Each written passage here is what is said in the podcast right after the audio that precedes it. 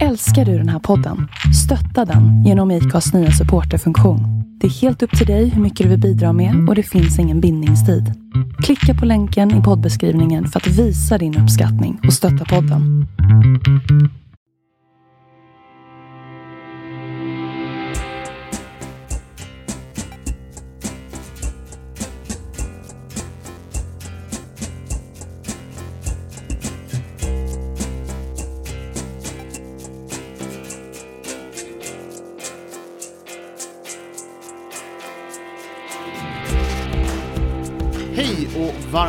Välkomna till Andreas och Viktor förklarar politik. Andreas, ännu en vecka har gått. En vecka gått i coronans eh, spår.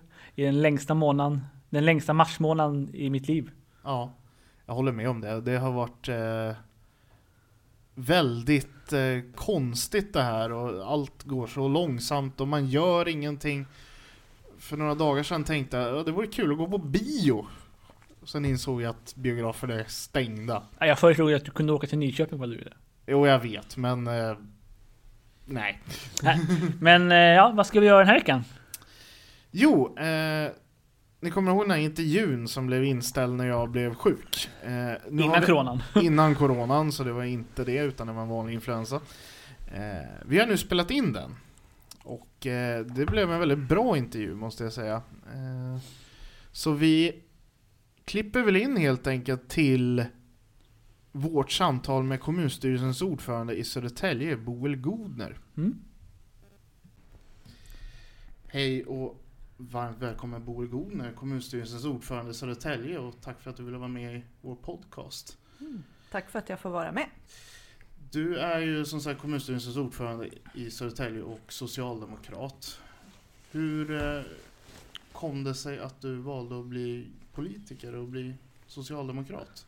Av alla partier som fanns att välja på då.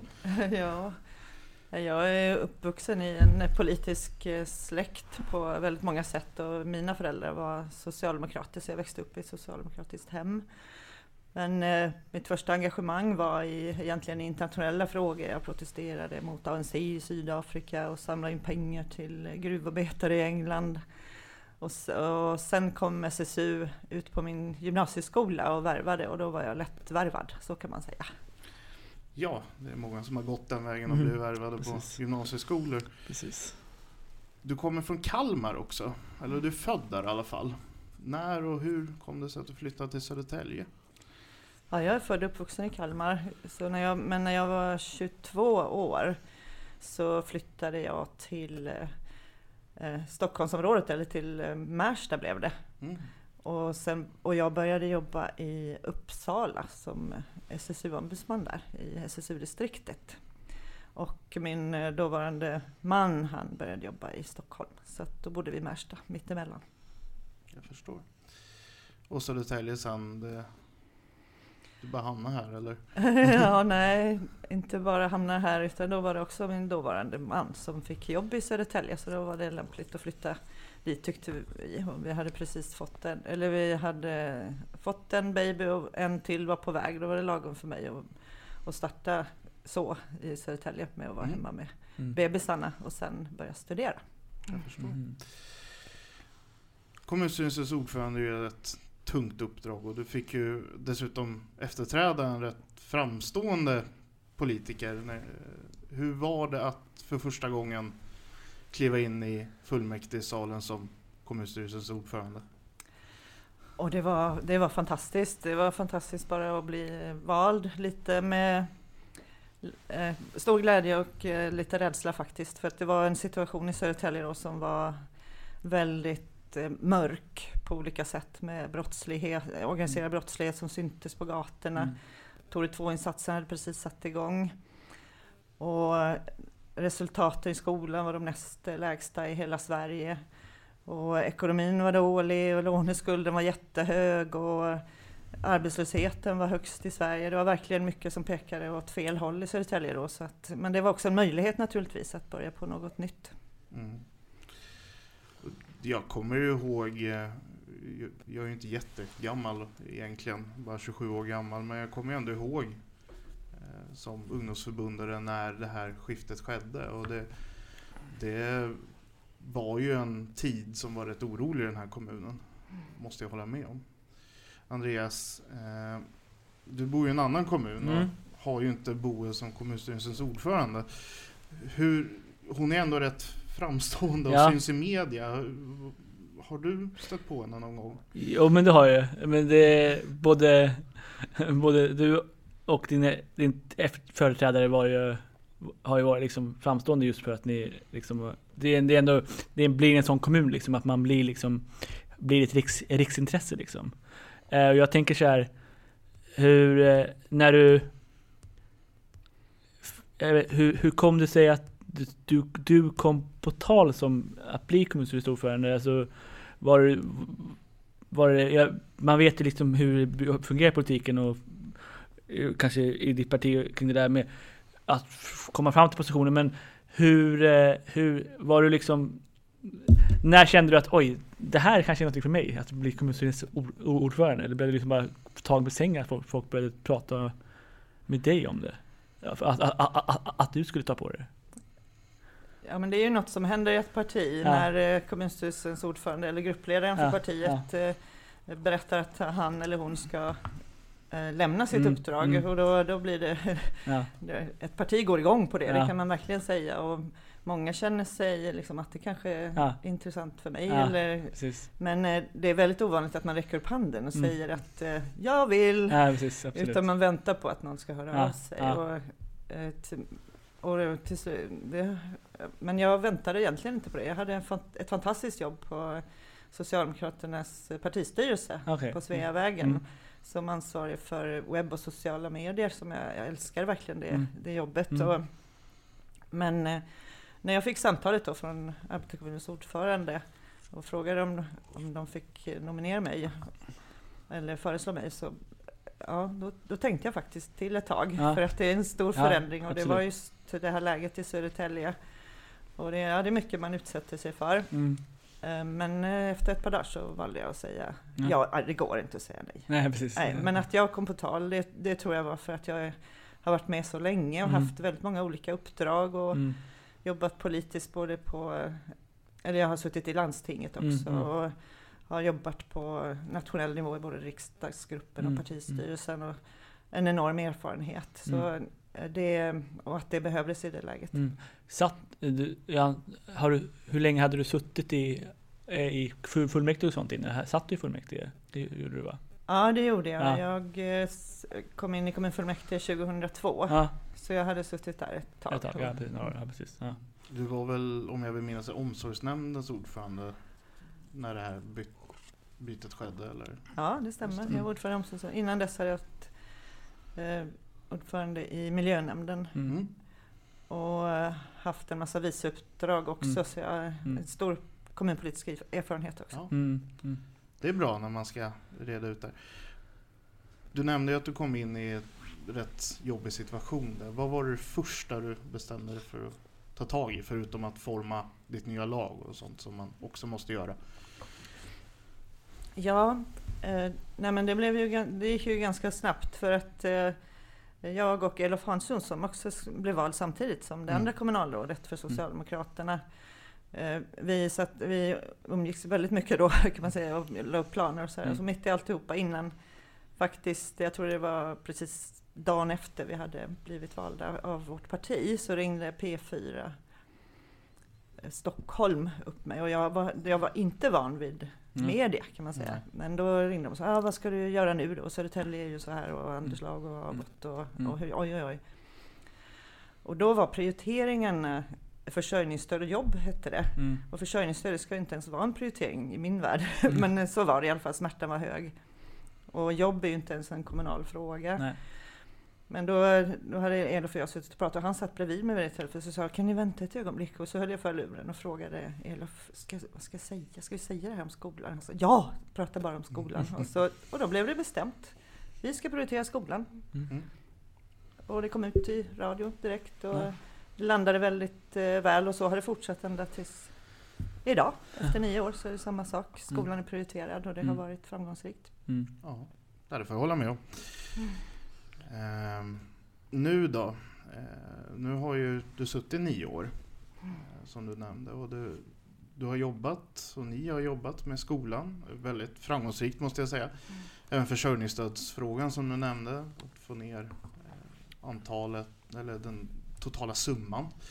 Eh, och brottsbekämpningen har verkligen fungerat i samarbete med polisen. Mm. Vad vill du ta dig an det här 2020-decenniet? Ja, vi har ju eh, fortfarande problem i Södertälje. Mm. Eh, Det, stora just, det stora just nu är den illegala stora svarta hyresmarknaden i Södertälje Mm. som har vuxit fram under många år. Vi tror Mm. att den började växa fram eller, eller tog fart under Mm. kriget i Irak när det kom otroligt mycket Mm, eh, flyktingar från Irak just till Södertälje. Extremt mycket faktiskt. Mm. eh, 2007 tror jag vi tog emot 6 procent av hela Sveriges flyktingar. Eh, Ett tag tog vi emot mer än hela den amerikanska, nordamerikanska kontinenten. Så. Ja, verkligen. 2007, 2008. Och det var ju också det, därför som Anders Lago blev otroligt känd i, ja, Utanför, Sverige. utanför Sveriges gränser också. När han fick prata i Amerikas kongress, eller USAs Mm. kongress. Mm.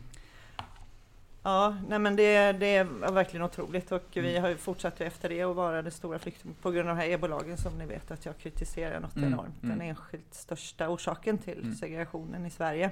Mm.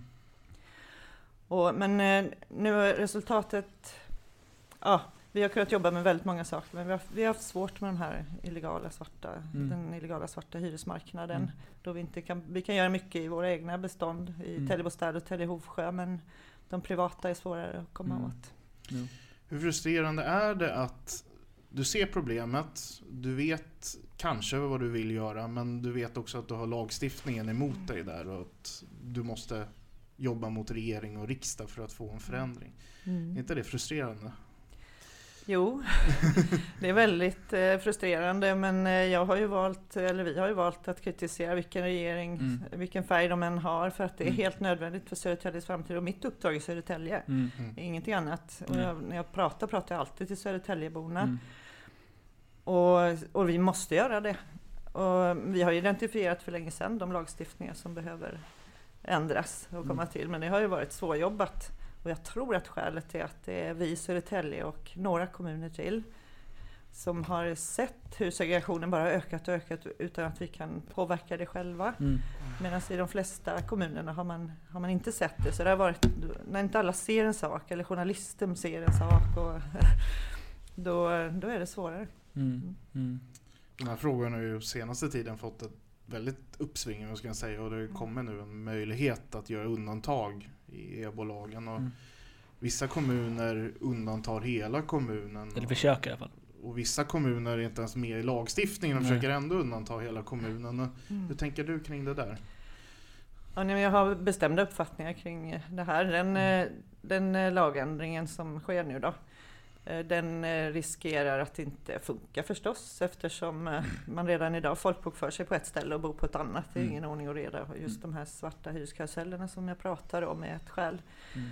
Södertälje kommer inte att eh, undanta hela kommunen utan vi har valt eh, de bostadsområdena som är extremt socioekonomiskt utsatta om man får uttrycka sig så. Mm. Och de är väldigt tydliga just i Södertälje. Och jag har, eh, jag har lite svårt för att man undantar hela kommunen. Och det finns några skäl till det. Vi kan inte göra det i Södertälje för vi har haft, varit den röst som har sagt att hela Sverige måste hjälpas åt Mm. och att då liksom sluta in sin egen kommun, det Mm. är inte bra. Eh, Det funkar inte för oss. Eh, Dessutom så måste, alltså det här borde ju vara en lagändring som, som man tog ansvar för nationellt Mm. så att kommunerna själva inte ska behöva hålla på Mm. och bestämma ditten och datten. Och eh, vi måste sluta ha system som tillåter att kommuner bollar människor Mm. mellan varandra. Jag tycker det är Mm. oanständigt och passar Mm. inte 2020 i Sverige. Nej. Utan här, staten måste ta ett otroligt mycket större ansvar för att det ska bli en, en rättvis fördelning så att Mm. människor som kommer till vårt land får en bra start. Mm. Just det. Andreas? Ja. Jag vet inte, vi är kanske inne på det lite grann, men eh, vad har varit, vad har varit jobbigast med, med, ditt, med ditt, ert uppdrag som, under de, de här åren du har hållit på nu? Vad har en av de jobbigaste, Mm. någonting som har hänt eller så här? Ja, det är, det är många saker, Ja, enskilda jo. saker, men de har ju- är ju också erfarenheter som Mm. jag kan eh, använda mig av idag. Den första stora erfarenheten jag fick eh, var ju egentligen när AstraZeneca lade ner sin forskning i Mm. Södertälje. Och då hade jag varit kommunstyrelsens ordförande i sex, kanske sju månader. Mm. Och, och så fick jag låsas in i ett rum tillsammans med Astras ledning och de kom med det här dramatiska beskedet. Och sen fick jag sitta där, till, för det var börspåverkande, tills Ja, det skulle gå nå ut. Just det. Ja. Så när jag kom ut så var, väntade hela Sveriges nationella medier och de Ah. lokala också på att få en liten intervju. Så, men då fick jag också världens bästa mediaträning. Man måste Ja. se det positiva med allting. Och detta löste vi också på ett bra sätt, även om det tog flera Ja. år. Då. Ja, just det. Så eh, stora erfarenheter. Det är jobbigt, men eh, Ja. det är klart att den grova organiserade brottsligheten som fortfarande är, eh, Mm. finns i, Mm. de, i så kallade parallella system i Södertälje. Mm. Det, är, det är otroligt jobbigt Mm. och ger en extra dimension åt det politiska uppdraget Jo, just i. Södertälje. Kan man det. Mm. Lite på samma tema, vad är det jobbigaste rent personligt med att ha det här uppdraget? Det är, man brukar säga att det är en som ensammast på toppen. Mm. Och att det blåser väldigt mycket där och så vidare. Det måste väl finnas stunder när man känner att det här är jobbigt. Det känner ju jag som bara är ersättare i kommunfullmäktige. Ja. Jo, nej, men det är klart att det är jobbigt, men jag brukar säga att det är det man tackar ja till när man Mm. säger ja. Det är otroligt mycket. eh, I Södertälje finns en väldigt stor tillit eller förväntningar på kommunen att lösa alla problem. Så att eh, alla kan höra av sig när som helst om vad som helst och tro att vi kan lösa det. Och det, eh, jag väl, det är jobbigt, men jag väljer att se det som en fördel också. Det är bättre att man gör det än att Mm. man inte gör det. Mm. Och, men det är klart att det, ibland så ligger jag också och funderar på kvällarna vad, som, vad jag ska göra åt. Det är väldigt mycket funderande vad man ska, Mm. hur man ska hantera Mm. saker. Mm. Men, eh, och visst är det ensamt, till slut så det, får man ha ett avgörande ord i det mesta. Mm. Och, eh, men jag har ju valt att inte vara ensam utan ha ett, alltid ha ett litet lag runt omkring mig som jag bollar saker med oavbrutet. Mm. Just det där med lag tänker jag. Eh, Du har ju nu fått uppleva att du, de den största delen av din period har du styrt med mer klassiskt eh, blockstyre. Men nu, du ser, vi har ju, eh, i hela Sverige har vi ett förändrat politiskt landskap liksom. Och nu har du ett helt annat lag, Mm. rent blockmässigt i alla fall. Eh, hur, eh, alltså har du, har du, har du märkt nya utmaningar med det? Jag antar att du har gjort det, men bara så här, har du några reflektioner kring det? Liksom, hur liksom, eh, det här politiska läget och liksom, eh, ja. Ja, nej men det, det är ju så det ser ut idag. Det blir Mm. nya och Mm. jag tycker det är jättefint när man kan samarbeta över de Mm. Det, nu finns ju inte de här blocken längre kan man inte säga, men Nej. ändå. Ja, eh, hur ska jag säga på det? Det var eh, det viktigaste är att man kan säga, sätta Södertälje först Mm. för partiprogram och Mm. allting egentligen Ja. och ideologi bara för att vi har så tro, svåra frågor att Mm. hantera hela tiden. Mm. Och kan man göra det då kan man också vara med och styra tycker jag. Mm. Så när det efter valet 2018 stod klart att det skulle inte bli en majoritet utan Socialdemokraterna i, Nej. om man inte ville att Sverigedemokraterna skulle få ett inflytande Ja. över politiken i Södertälje, då, eh, då pratade jag med, ganska snabbt efter valet med alla partier utom Sverigedemokraterna Mm. och Realistpartiet om hur de såg på att samarbeta med Socialdemokraterna. Och, och det var ju väldigt många som, som kunde tänka sig det. Och det var otroligt glädjande. Mm. Så eh, annars så bildar vi just den här majoriteten Mm. av olika skäl. Mm. Eh, som kanske är lite udda när man har Kristdemokraterna med tillsammans Mm. med Socialdemokraterna. Mm. Men det funkar och är, Mm. jag vet inte om det är för att Södertälje är speciellt eller för att det faktiskt finns så bra eh, politiker som kan tänka sig, tänka just så att Södertälje går först. Jo men det är väl min erfarenhet som kommunpolitiker också. Kommunpolitiken är ju, är ju eh, lite mer eh, precis lös och li, eh, lite mindre ideologiskt liksom. Så det är lättare att hitta, alltså de flesta frågor, 80 90-80% av frågorna är man ju alltid nästan överens om. Sen skiljer ju liksom så här, finns det de här eh, mer ideologiska frågorna lite där Mm. kanske spänner liksom. Men annars så är man ju överens per, nästan per automatik Mm. i kommunpolitiken. För man sätter ju ofta kommunen först och sådär. Och så för kommuninvånarnas först. Sen är det bara, kan det skilja sig, Mm. tänker jag. Jag håller med om det. Ja. Jag håller med om det och precis så är det. Och sen har vi inte som i den nationella po- politiken behov av en massa braskande Nej, rubriker för nej. att nå ut och synas på det sätt som, som Nej. sker där. Nej. Så det är, det är klart att det, på det sättet är det kanske lite lättare också att Mm. samarbeta över Mm. partigränser. Just det. Mm. Ja, och jag sitter i oppositionen här så Mm. det, det har blivit lite annorlunda att jobba i opposition också kan man väl säga. Ja. Sen det här skiftet. Man har lite svårare att orientera sig. Eh, Men det... Vi får se hur det går 2022 helt enkelt. Ehm, jag frågade ju vad som är det jobbiga också med uppdraget, men då måste jag ju ställa motfrågan. Vad är det absolut bästa och roligaste med det här uppdraget? Mm. Jag, jag tycker ju att det är när man når eh, resultat. Mm. När någonting blir en förbättring eller förändring på grund av ett politiskt beslut. Mm. Det, är, det är ju fantastiskt, det är ju magiskt och det är så man får alltid tänka så att eh, politiska beslut har ju skapat det mesta av det som finns runt omkring oss. Mm. Både det bra och, bra och dåliga saker. Och då kan vi också förändra det. Och, jag, och det låter kanske klyschigt men, eh, men det är ju faktiskt så. Och sen tycker jag om att nå så här breda överenskommelser när alla är överens om någonting. Det är väldigt fint när vi står Mm. upp tillsammans för Södertälje, alla partier. Mm.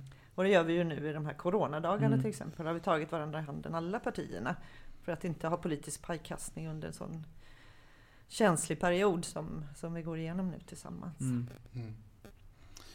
Om vi ändå ska prata lite om det som händer just nu och coronakrisen. Eh, Vi har aktiverat krisledningsnämnden i Södertälje. Mm. Och det är ju första gången på väldigt länge. Det har ju hänt innan vet jag men det är väldigt länge sedan senast. Hur är det att kliva in i den rollen helt plötsligt? Att nu är det snabba beslut som inte rör politik. Liksom. Ja, det är, det är ju ganska dramatiskt. Eh, Vi har ju haft eh, väldigt stora händelser i Södertälje under min tid tidigare, men Mm. inte kallat samman krisledningsnämnden. Nej.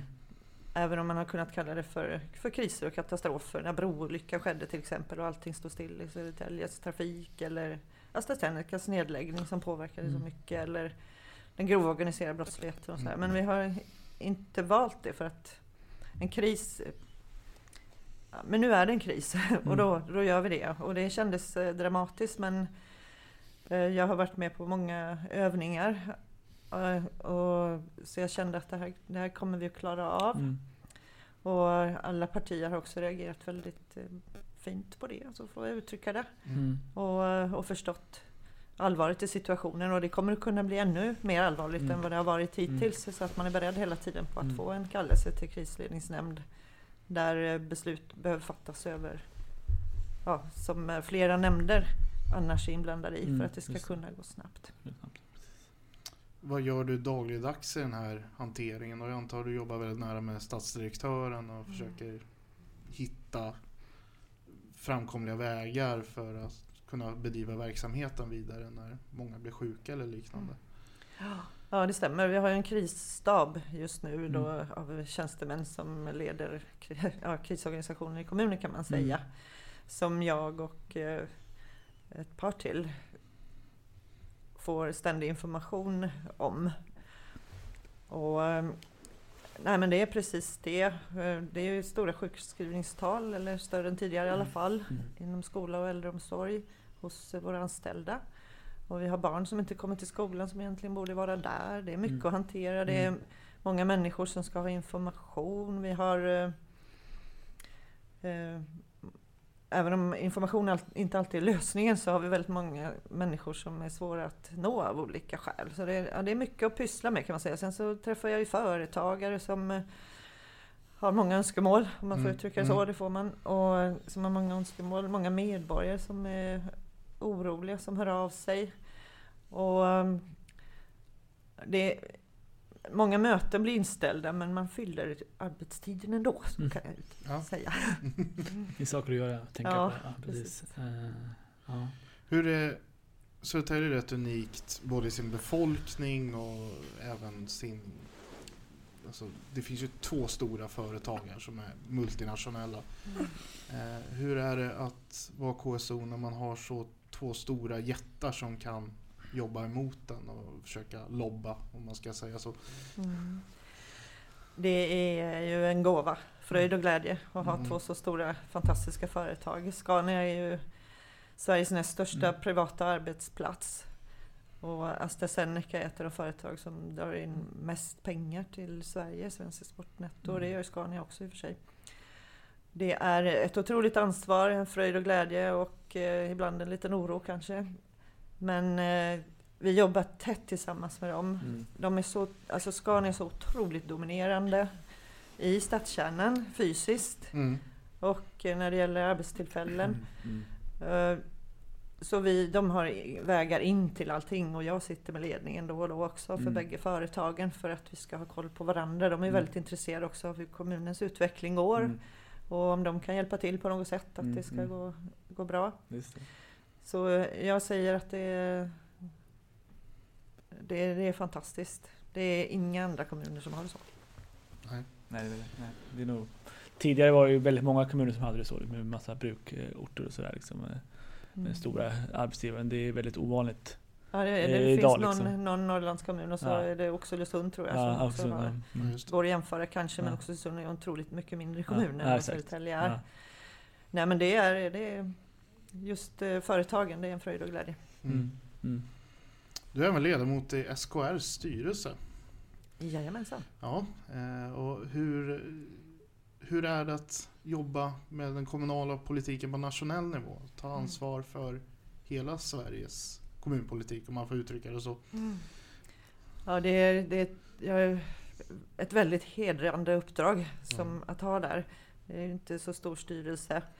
Och jag är också ersättare i arbetsutskottet till och med. Det är, ehm, det är en konsensusorganisation Mm. och där sitter ju alla partier som finns i Sveriges riksdag Mm. i styrelsen och, och så ska man nå konsensus kring, en del kan inte hålla sig utan vill göra politik ändå utav Mm. frågorna som kommer fram. Vi ska yttra oss över regeringsbeslut och Mm, sånt där Mm. innan de kommer fram.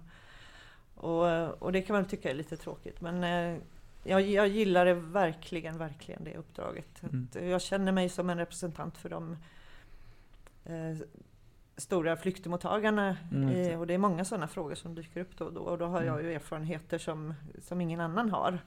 Så det, jag, det, är, Mm. det är väl min grej men eh, jag, jag medverkar naturligtvis till allt annat också och tycker att just det att det finns en konsensusorganisation som eh, Mm. har enorm Mm. är en, en, en av de organisationer som har störst förtroende i Sverige. Mm.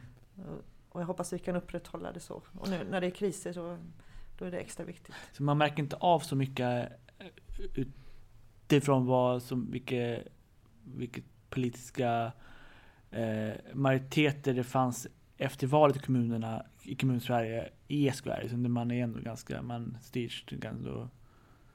För det är, idag är det väl någon form av borgerlighet plus Demokraterna som har någon form av hade någon form av majoritet på SKR-kongressen. Men man märker, inte, man märker inte riktigt av att, det, att den finns. Det, man styr ändå ganska Ja, man styr ändå med Mm. konsensus. Ja, jag tror ja. det är nio av tio Ja. beslut Ja, är mm. alla Mm. med på Mm. vagnen. Mm. Mm. Just det.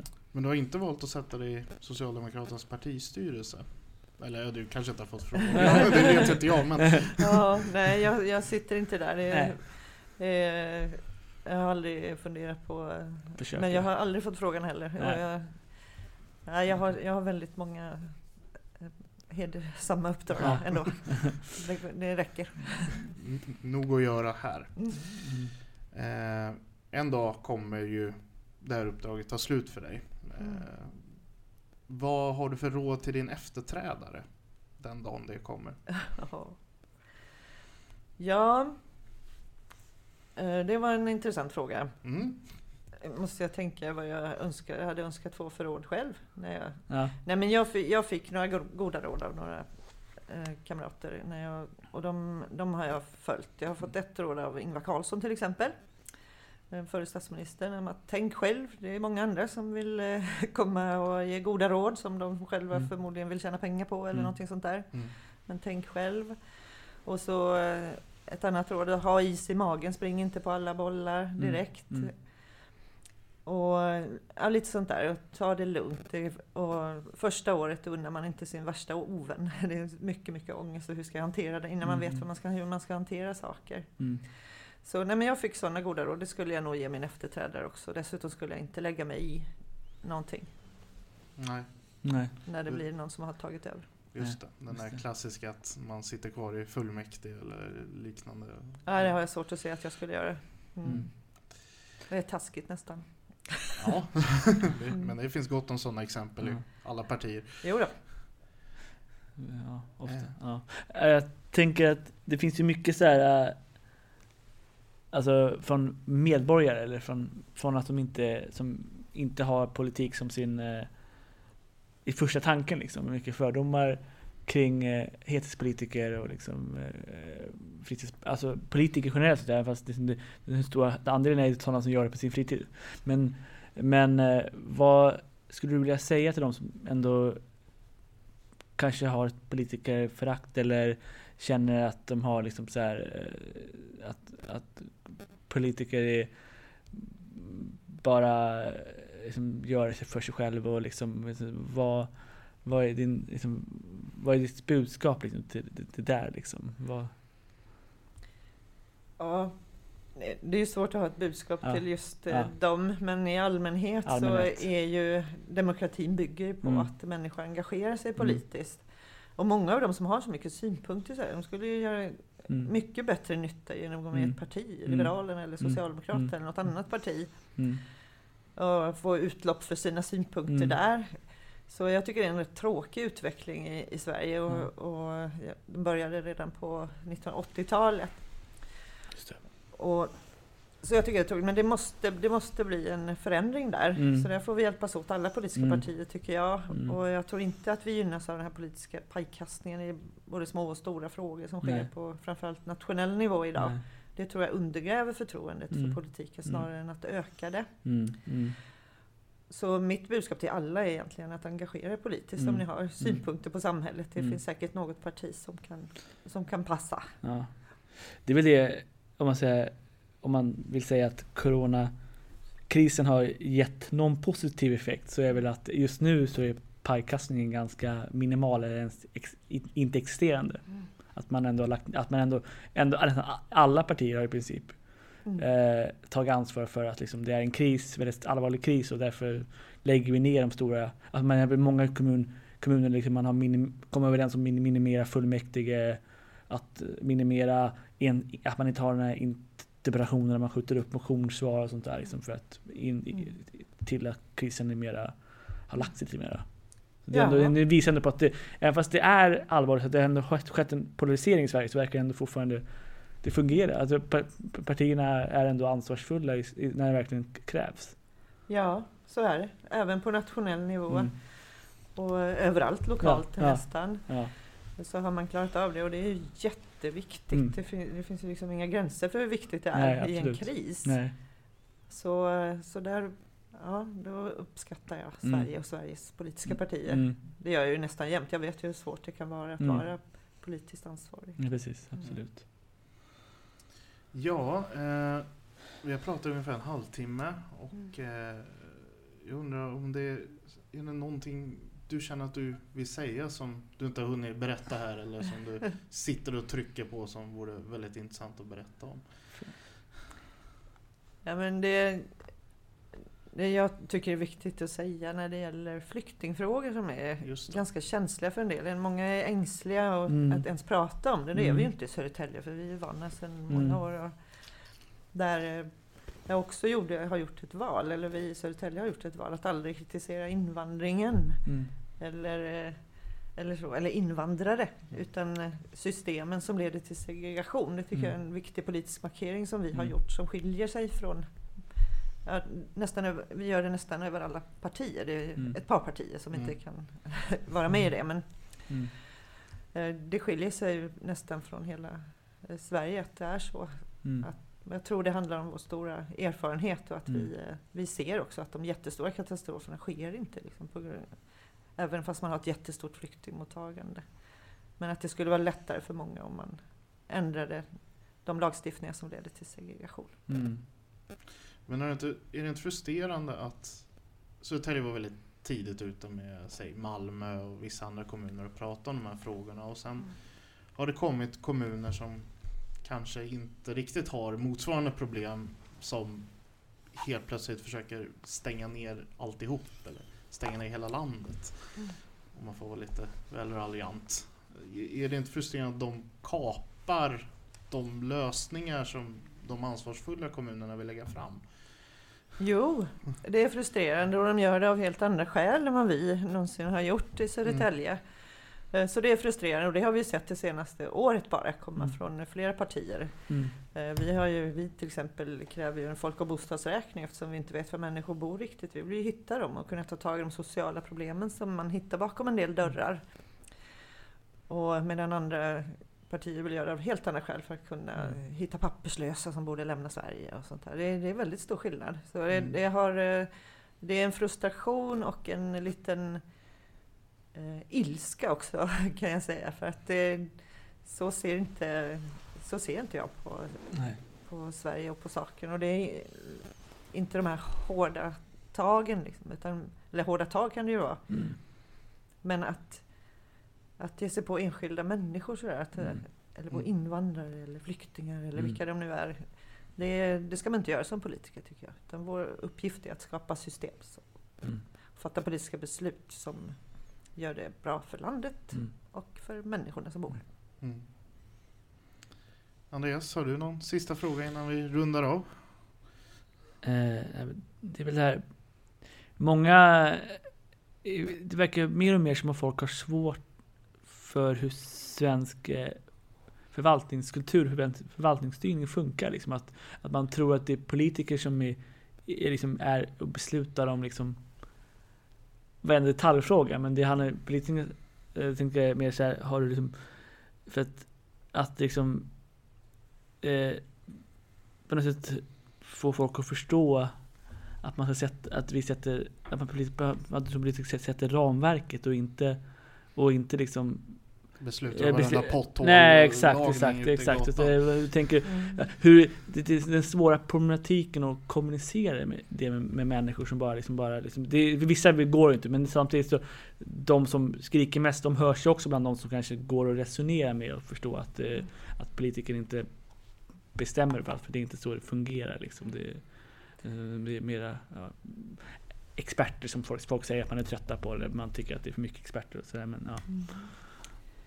Ja precis, men det är ju en svensk, det är en fin sak med Mm, svensk politik. Att eh, vi politiker är ju inte experterna utan Nej. vi är ju de som ska vi ska tala om hur vi vill att samhället ska fungera. Mm. Där finns det ju vissa skillnader mellan Mm. de politiska partierna i Sverige Ja. i- idag och har Mm. alltid funnits. Det är ju Ja. så man har byggt upp de olika Ja. partierna. Eh, Och, och sen har vi experter som ska komma med förslagen hur man når Mm. dit och hur man Mm. gör för Mm. att det ska vara Mm. så- för att det ska bli så som vi fattar beslut om. Mm. Och det är ju jättebra. Vi ska ju inte vara experter. I Sverige är det ju så att vi politiker eller vi förtroendevalda, vi eh, eller vad ska vi säga, experterna, de Mm. står liksom för juridiken, det är ekonomiska konsekvenserna och Mm. sak, liksom, sakkunskaperna. Mm. Och så vi, vi ska också ha det där i och för sig, även om Mm. vi inte har s- exakt expertkunskaperna. Nej. Men vi lägger ju till en moralisk och Mm. etisk Mm. aspekt Mm. i, i det vi gör och säger Mm. och fattar Mm. beslut om. Mm. Så det, är- och det har ju funkat väldigt väl och, Mm, och gynnat Sverige och den utvecklingen. Vi är ett fantastiskt land med Mm, väldigt mm. hög tillit till myndigheter om man jämför med nästan alla andra länder på Mm. jorden. Mm. Och det tror jag är ett resultat av det sättet att arbeta. Mm. Ja. Ja.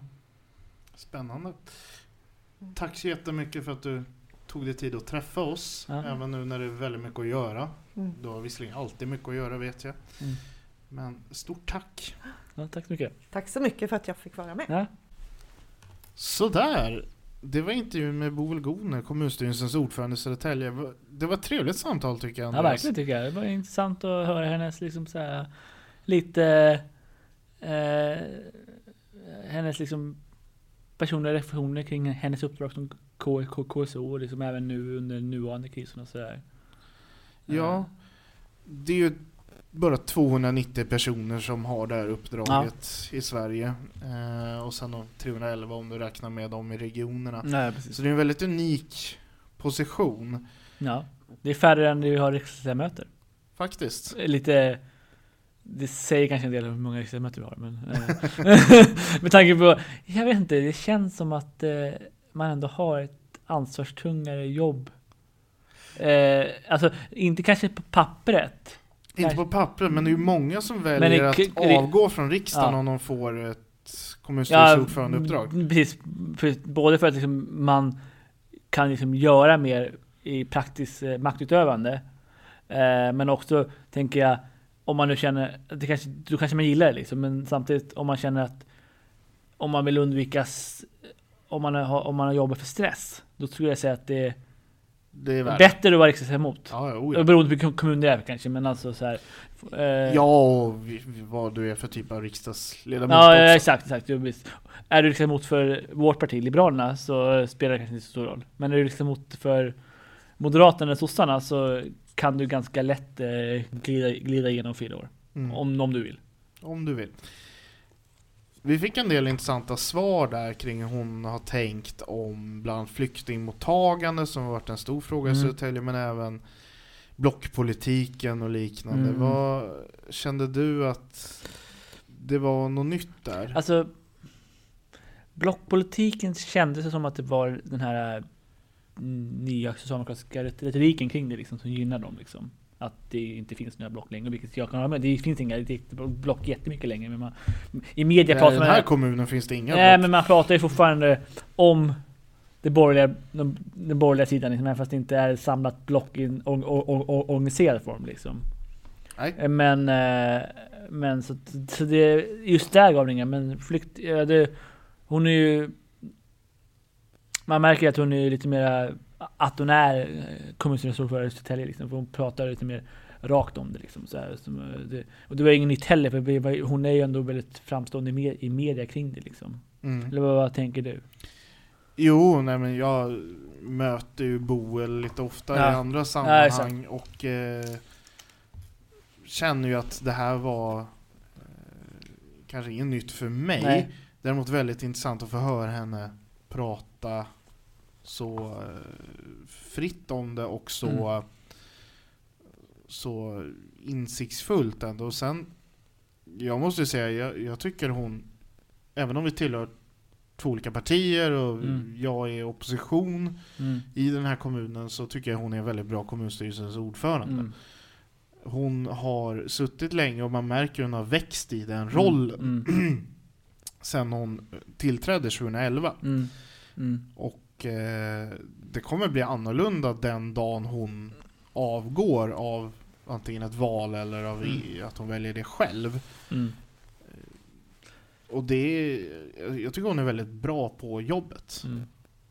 Sen är hon, och det får hon ta som en komplimang, väldigt tuff att möta i kommunfullmäktiges talarstol. Ja, och det är väl, ja.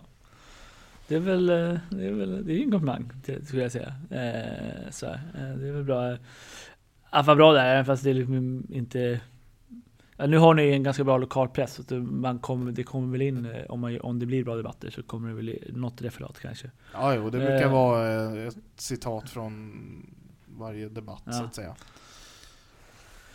Ja, nej men, eh, ja, men jag tycker att det var intressant eh, och sådär eh, kring, kring, kring det, hon, det hon sa liksom. Och att hon var, alltså, det, det är mycket mer, man fick ju mycket mer nyanser kring frågan, frågorna, kring flyktingar och sådär liksom. Och att, att hon ändå, för att i, i media så får det ju kanske framstå som hon kanske är mer den klassiska betongsossen och driver på för en hårdare linje. Men det, hon- egentligen så handlar det mer om att ja, hon, hon ser verkligheten här eh, och, och vad som behöver göras liksom. Eh, och så för att, för att människor ska ha det Jag har ett drägligt liv drägligt, och ja, en precis, bra exakt. tillvaro. Ja, men exakt, exakt, och exakt, inte exakt. hamna i utanförskap och Ja, kriminalitet i Ja, värsta men fall. Precis, precis.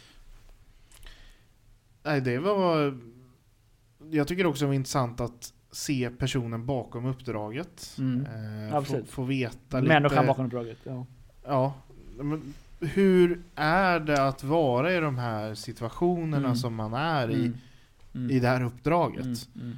Och vad är det som är så unikt? Alltså, grunden att vara politiker, den kan ju vi gå igenom, men ingen av oss Nej. har varit en av de Nej. här Nej. 290 personerna. Och jag tror det är bara de Som vet, 290 verk, ja, vet hur det är. Och Exakt. sen ska vi komma ihåg att det här är en av Sveriges största kommuner. Mm. Då blir Ja. det nästa nivå. Ja, exakt. Boel är ju med ministerspekulationer rätt ofta när Mm. det är byten i regeringen. Ja, just det. Eh, Just Så det. är, det är en helt annan nivå än vad vi är vana vid. Ja, precis. Ja, precis. Det är, som du säger, jag tror att det är svårt att...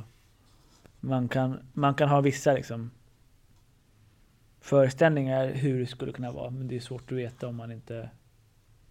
Ja, och man märker ju kanske om man kollar hennes kalender eller ser vad hon gör eller Mm. någon annan som märker med hur mycket du gör och vilka personer hon träffar Mm. och hur hon rör sig i Mm. samhället. Men det är ju det avslöjar ju inte hur, vad som försiggår bakom kulisserna eller hur hon känner och tänker. Nej. Så det var väldigt intressant. Så vi får tacka Boel för att hon ville träffa oss och Mm. vara med i den här intervjun. Mm. Och även tack till dig Andreas som kom en morgon hit till Södertälje för att spela in en podd. Ja, men det är lugnt. Det, det, det var trevligt. Mm. Det är trevligt att komma hit och besöka Stadshuset på morgonen så här. Men ja, vi följer oss där poddar finns. Och eh, glöm inte att också gilla oss på Facebook. Och lämna en kommentar vad vi ska prata om härnäst. Mm. Så ses vi igen med ett nytt ämne som vi inte vet vad det är ännu nästa vecka. Ha det bra! Ha det bra.